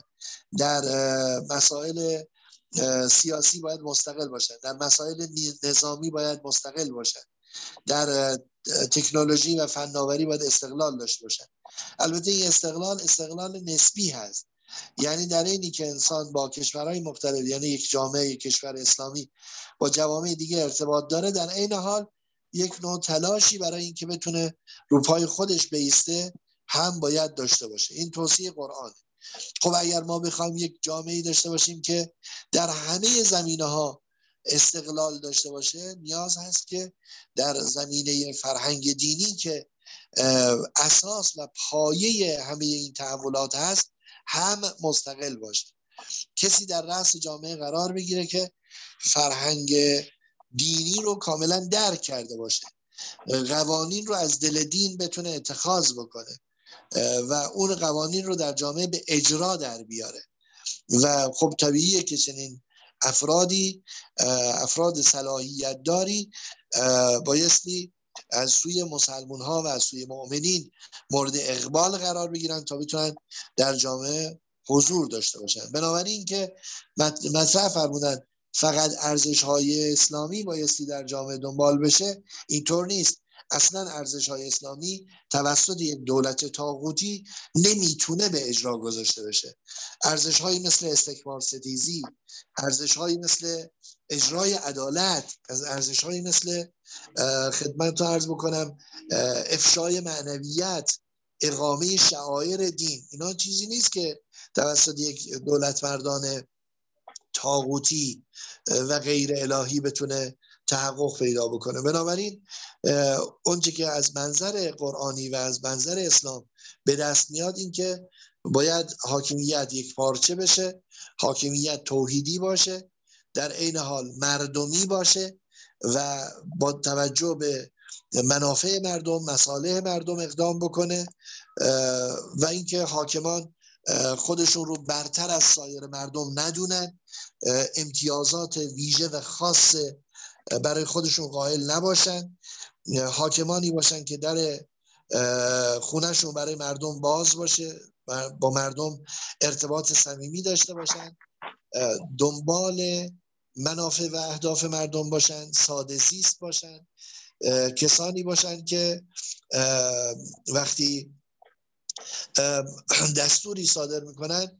مردم بدونن که اینها خودشون قبل از اینکه این دستور رو صادر کنن خودشون عامل بهش هستند و از این جهت الگوی مناسبی برای تبعیت هستن. اینها چیزهایی است که اسلام از ما در رابطه با حاکمیت مطالبه می‌کنه و نتیجه نتیجه این میشه که فقط قرار نیست که ارزش ها پیاده بشه بلکه قراری که حاکمیت ارزش ها رو در جامعه ما شاهد باشیم و اون هم حاکمیت ارزش های توحیدی است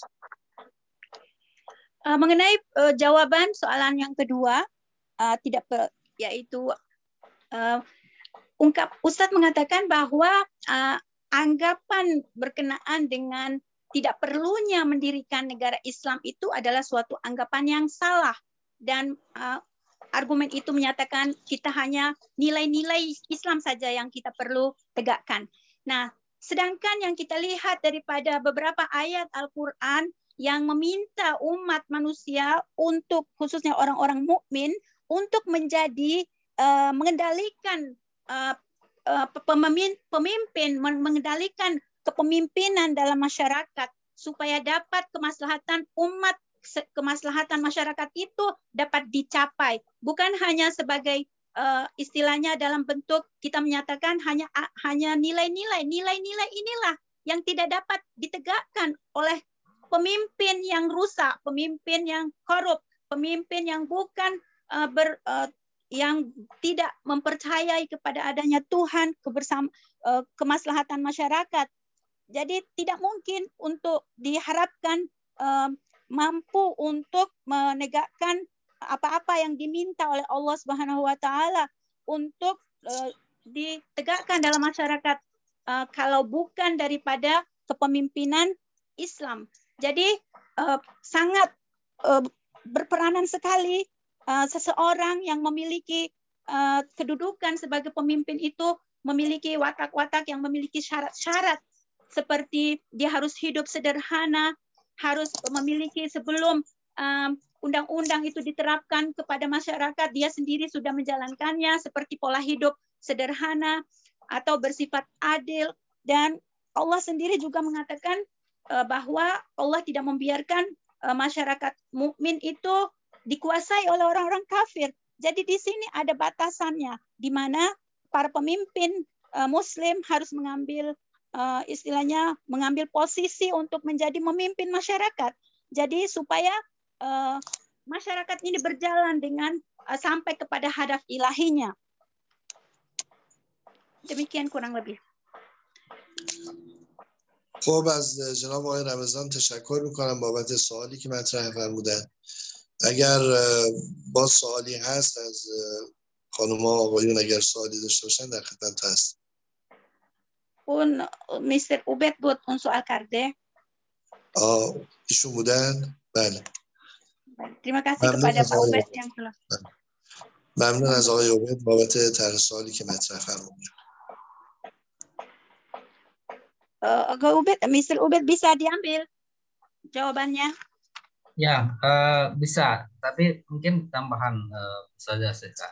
Saya setuju bahwa uh, ataupun saya mengutip beberapa pemikir Muslim yang lain. Uh, setuju bahwa pemimpin uh, Muslim, seorang pemimpin uh, Muslim uh, itu sangat dibutuhkan, sangat diperlukan dalam uh, dunia uh, yang katakanlah mayoritas uh, Islam ya khususnya untuk uh, bisa mengendalikan dan mengatur nilai-nilai uh, uh, Islam itu diterapkan. Tetapi uh, tidak dalam bentuk kemudian uh, menjadi sebuah uh, negara Islam yang menerapkan secara apa namanya secara uh, secara aturan negara tentang hukum-hukum Islam atau hukum-hukum agama maksud saya. Bukan hanya Islam tapi hukum-hukum agama dikendalikan ataupun diatur melalui peraturan negara. Karena kemudian nilai-nilai uh, agama ataupun praktek-praktek keagamaan akhirnya menjadi uh, menjadi alat kekuasaan negara. Dan praktek ataupun sikap keberagamaan uh, kemudian uh, men, me, menimbulkan apa yang dikhawatirkan ya, disebut sebagai hipokrisi ya ataupun uh, hipokrit karena kemudian uh, agama dalam satu sisi yang merupakan sebuah uh, urusan apa uh, kesalehan ataupun uh, privat gitu ya. Uh, tetapi kemudian karena dikendalikan dan diatur oleh uh, hukum negara secara ketat misalkan, maka yang muncul adalah uh, hipokrisi dalam uh, beragama. Jadi uh, menurut saya bahwa uh, pemimpin uh, Islam yang baik, yang soleh gitu, yang uh, yang kuat itu memang uh, penting ataupun perlu, tapi uh, permintaan ataupun peng, apa namanya pendirian uh, negara berbasis uh, agama yang kemudian mengendalikan uh, aturan sikap beragama melalui hukum negara itu menjadi uh, problematik. Itu saja mungkin tambahan. سوال بعدی بنده این است که درسته من قبول میکنم که یک فرد صالح باشه متدین باشه در سر حکومت اسلامی یا مردم اسلامی خاصش. ولی ما می‌بینیم این با توجه به گوناگون افراد جامعه که اگر در این مجموعه زندگی بشر یک شخصیت متدین باشه در یک شکل اسلام. مثلا تا اون دستورات اسلام اجرا بشه در اون حکومت این من میترسم به این نگران میشه. این همه نگران الان داره بحث میشه. به وجود یعنی احکام دین بر سر حکومت اجرا بشه که موجب مثل که استبداد در, در میاد. این نگرانی میشه. این یعنی شکل هیپوکریت در در اجراع شریعت اسلام مثلا. در یک محیط مجموعه انسان های مختلف. یا نه فقط بر اساس اسلام البته بر اساس دین باشه. این شاید موجب به استبداد استبداد بکشاند. این پرابلم هست. بله خدمت عرض بکنم ما در یه مجموعه ای که داریم زندگی می‌کنیم به نام جامعه چند حالت رو می‌تونیم تصور بکنیم. یه یک حالت اینه که اکثریت اون جامعه جامعه دینی باشن. خب همطور که اکثریت یک جامعه سکولار یک حکومت سکولار تشکیل میدن ولو اقلیت ها مذهبی باشند خب ما هم در یک جامعه ای که اکثریت افراد مؤمن و متدین هستن می‌تونیم یک جامعه اسلامی تشکیل بدیم. و در اینجا هیچ استبدادی هیچ استکباری هیچ دیکتاتوری تحقق پیدا نخواهد کرد. اکثریت اومدن و رأی دادن یک نظام جمهوری رو مثلا شکل دادن که در اون نظام جمهوری به هر حال اقلیتی هم دارن زندگی می‌کنن. اون اقلیت ها چطور در جامعه سکولار با اینکه این افراد اقلیت دینی هستن. چطور تحمل می‌کنن یک دولت سکولار رو و قواعدش رو میپذیرن؟ در یک جامعه که اکثریت او با مردم مؤمن و مسلمان هست طبیعتا اقلیت ها باید همراه بشن و همگام بشن با حکومت. و چاره جز این نیست. اما نوع دوم از حکومت ها حکومت هایی هستند که جمعیت مسلمانه در اون به حد اکثر نمی‌رسه. بلکه مثلا یا مساوی هستن در اینجا یا یه مقدار جمعیت مسلمان ها بیشتر از جمعیت مثلا غیر مسلمان هاست. خب در اونجا می‌تونن یک دولتی رو تشکیل بدن که در اون دولت حافظ منافع در واقع مصالح عمومی باشه. نه منافع عمومی. به عبارت دیگه گاهی اوقات منافع افراد و گروه ها خلاف مصالح جامعه است. و مصالح جامعه چیزی رو اقتضا می‌کنه منافع گروه ها چیز دیگه ای رو اقتضا می‌کنه. دولتی که شکل می‌گیره دولتی باید باشه که مصالح عموم ملت رو در نظر داشته باشه. در اینی که فرد صالح هست در اینی که داره قواعد رو قواعد شریعت رو داره دنبال می‌کنه اون قواعدی رو به اجرا می‌گذاره که با مصالح امت یا مصالح ملت کاملا سازگار هست و منطبق هست. و اگر یک چیزی رو از مسلمان ها مورد توجه قرار میده اونجا به نحوی تنظیم می‌کنه که نهایتا بر اساس مصالح ملت تعقیب بشه و دنبال بشه. در این صورت ما می‌تونیم انهایی از دولت ها داشته باشیم که مسلمان ها بر اساس اون دولت ها دارن عمل می‌کنن. یک نوع دولتی که در اون قاطبه ملت مسلمان هستن و متدین هستن و مؤمن هستن و اقلیتی در او هستن که معتقد و باورمند نیستن. خب در اینجا که اکثریت با ملت هست این به این معنا نیست که ما می‌خوایم یک سری اعمالی رو یک سری قواعدی رو تحمیل بکنیم بر افراد اقلیت. بلکه نه خود اقلیت رو با نحو با نحوه در واقع بیان و با نحوه در واقع ملاطفت و ملائمتی که با اونها صورت می‌گیره ازشون درخواست می‌کنیم که با این اکثریت همراه بشن. خب البته خب این مسیری هست که چاره جزو نیست که ما اکثریت رو وقتی داشتیم اون اکثریت حکومت و قدرت رو در دست داشته باشه اما در یه جامعه که بین از لحاظ تعداد نفرات به حدی نمی‌رسه که اکثریت بتونن با مسلمون ها باشن اونجا قاعده رفتار بر اساس مسلحت هست. باید دولت ها ملزم بشن که بر اساس مسلحت جمعی مردم حرکت داشته باشن نه به نفع یک طبقه خاص یا یک جمعیت خاص بلکه تمام همت اونا باید باشه که مسائل جمعی رایت بشه. در این صورت هم مسلمان ها موظف خواهند بود که با چنین جامعه همراه بشن و همگام بشن. جامعه که هدف رو تأمین مصالح عمومی مردم قرار داده. بله.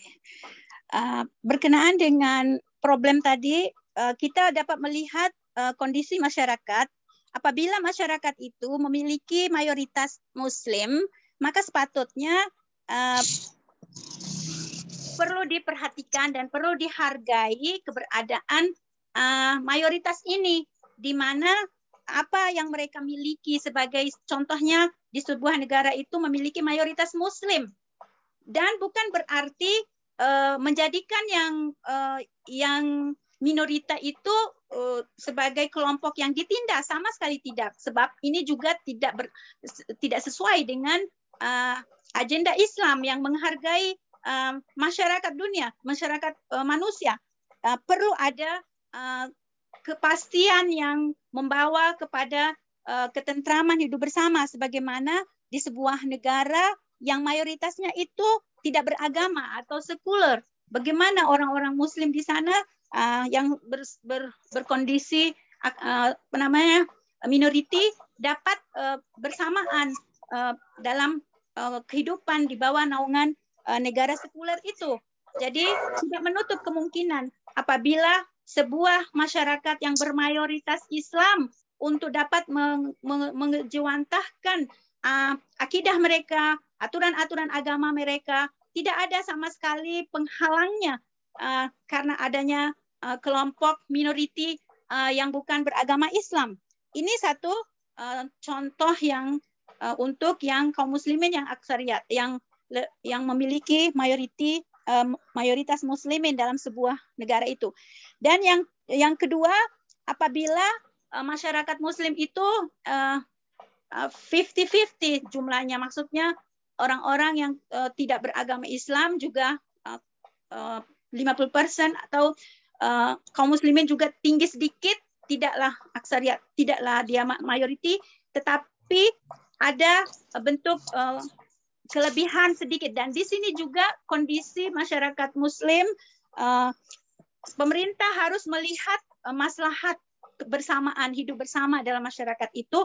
Dan juga harus uh, diperhatikan uh, kaum muslimin dapat uh, me, me, mengamalkan agamanya dengan baik demikian juga uh, kelompok lain juga dapat hidup tentram dan damai dalam bentuk kita uh, istilahnya memberikan pelayanan yang uh, elastis, yang penuh kasih sayang. Ini semua adalah ajaran Islam. Jadi tidak menutup kemungkinan akan uh, adanya sebuah uh, pemerintahan uh, Islam bersama-sama hidup dengan uh, apa namanya rakyat yang bukan Islam. Di bawah naungan pemerintahan Islam maka diperhatikan dengan baik kelompok-kelompok minoriti ini sebagai dipandang sebagai hamba-hamba Allah juga untuk di ajak bersama untuk kepentingan uh, maslahat bersama. Jadi demikian. Pak Ubed dapat diambil? Boleh, syukron. Syukron Ustaz. خب ممنون و سپاسگزارم از شما خانم صفا بابت ترجمه که انجام دادید به هر حال وضعیت از سه حالت خارج نیست یا اینکه اکثریت با مسلمان هاست یا اینکه در واقع مسلمان ها با اهل غیر مسلمان در یک حد هستند در یک نقطه تعادل هستند یا اینکه مسلمان ها در اقلیت هستند.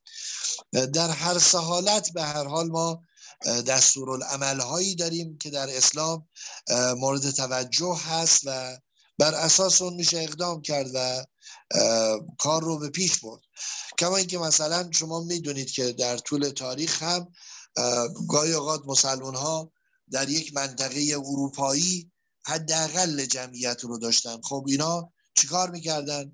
طبق دستور عمل اسلام اینا بایستی در اون حکومت سکولار سعی می‌کردند که منافع خودشون رو و مسائل خودشون رو تا جایی که می‌تونن تأمین کنن. و وقتی چاره ای جز این ندارن که در اون حکومت به سر ببرن مجبورن که از حکومت اطاعت داشته باشن.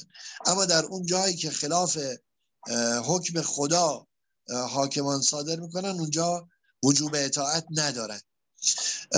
اما اگر جامعه به صورت حد تعادل باشه بین مسلمان ها و غیر مسلمان ها اونجا طبیعتا عرض کردم باید حاکمی که در رأس قرار می‌گیره مسلحت همه رو در نظر بگیره. نمونه واضح و روشنش مثلا حزب الله در لبنان هست. خب جریان های مختلف فعالن در اونجا شیعیان اهل سنت و مسیحی ها دروزی ها جریان های مختلف اونجا حضور دارن. اون دولتی که بخواد شکل بگیره نهایتا باید مساله همه ملت رو در نظر بگیره. نه مساله یک در واقع جریان خاص رو. و این چیزی که مثلا جریان حالا در حد اعتدال رو می‌تونیم بگیم که جریان ها توی لبنان دارن. و یا مثلا نمونه بعدی که حد اکثر اونا با مسلمان ها و با اهل دیانت مثل جمهوری اسلامی هست که در اینجا در واقع ملت اکثرا مسلمانند چه حالا مسلمان شیعه و چه سنی بس اکثریت مسلمان هستند و اقلیت ها از جریان ها و مذاهب دیگه و ادیان دیگه هستند و یه ادام که خب طبیعتا به هیچ دینی باور ندارن. خب اون وقت اونا میشن اقلیت در این صورت. نظام جمهوری که برآمده از به هر حال درون معلفه های اسلامی است در اینجا مورد احتمام قرار گرفت و در این حکومت حد اکثر جامعه چون مسلمان ها بودن یک حکومت بر پایه تفکر اسلامی شکل گرفته. بنابراین کاملا برای ما واضح و روشنه که چگونه, بایستی این تعامل با دولت ها صورت بگیره. البته به حسب خود نوع دولت ها هم میشه همونطور که در سال اول من پاسخ دادم شیوه متفاوت برخورد رو هم مسلمان ها نسبت به اون دولت داشته باشه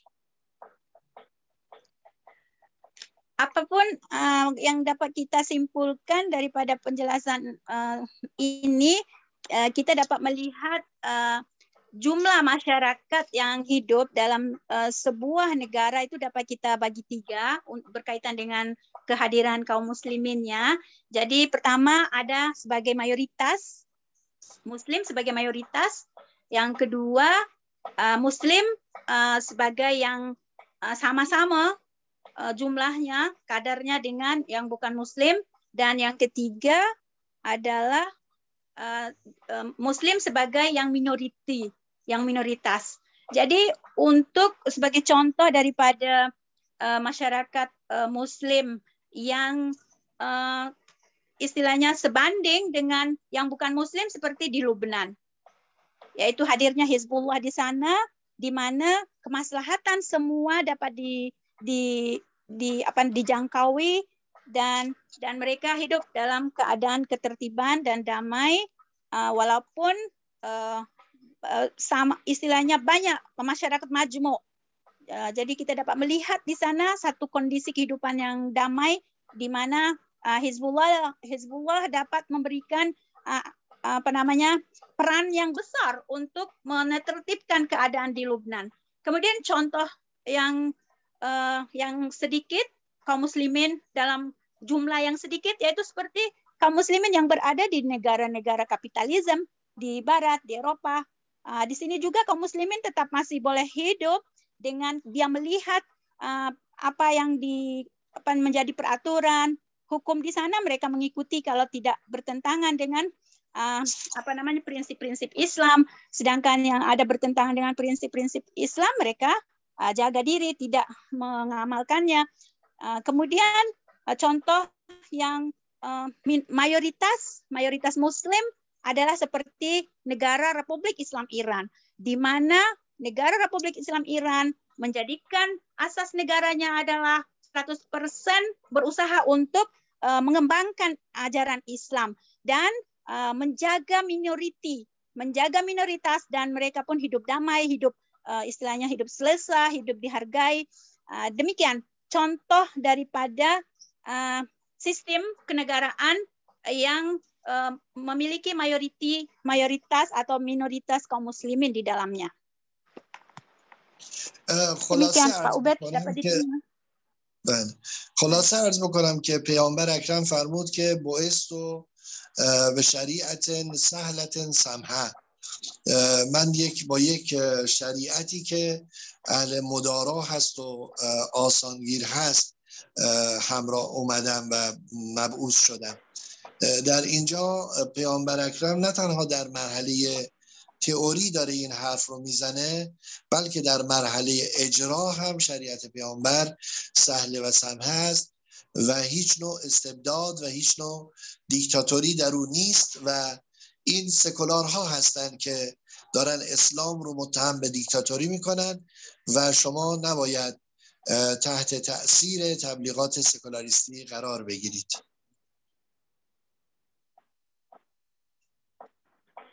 Sebagai khulasa terakhir kita dapat melihat bagaimana Rasulullah SAW pernah bersabda bahwa aku diutus dengan syariat yang penuh dengan elastis, yang penuh dengan memberikan kemudahan, yang uh, untuk masyarakat. Jadi isu yang di, digelindingkan uh, bahwa kaum muslimin, umat Islam, seorang muslim tidak dapat mendirikan negara dalam bentuk uh, yang Eh, baik uh, di dunia ini adalah satu isu yang digelindingkan oleh uh, sekularisme.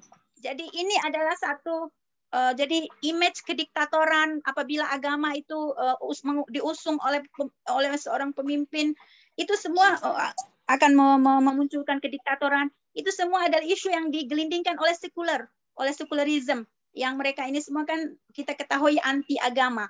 Dan kita sudah membuktikan bahwa agama Islam ini adalah agama yang penuh uh, memperhatikan fitrah-fitrah manusia. Dan Rasulullah sendiri diutus untuk uh, bermudara, untuk apa namanya elastis dengan manusia. از همه شما دوستان عزیز تشکر می‌کنم بابت همراهی خوبی که در این کلاس با ما داشتید و سوالات بسیار خوبی که مطرح فرمودید. انشاءالله برای جلسه آینده در خدمت شما هستم. با طرح سوالاتی که نسبت به نظریه سایبرنتیک می‌تونید ارائه بدید. بعد از ترجمه ای که خانم سخا انشالله برای شما از این کلاس ارائه میدن تا جلسه آینده شما همه رو به خدای بزرگ میسپارم خدا نگهدارتون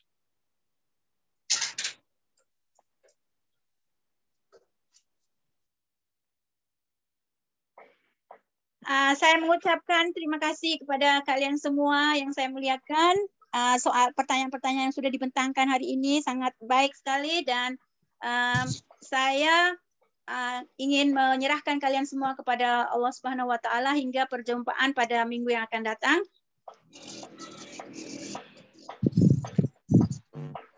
Wassalamualaikum warahmatullahi wabarakatuh.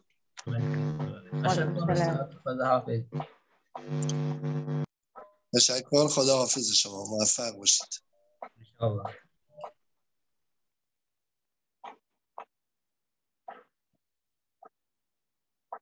همچنین خدا نگهدار.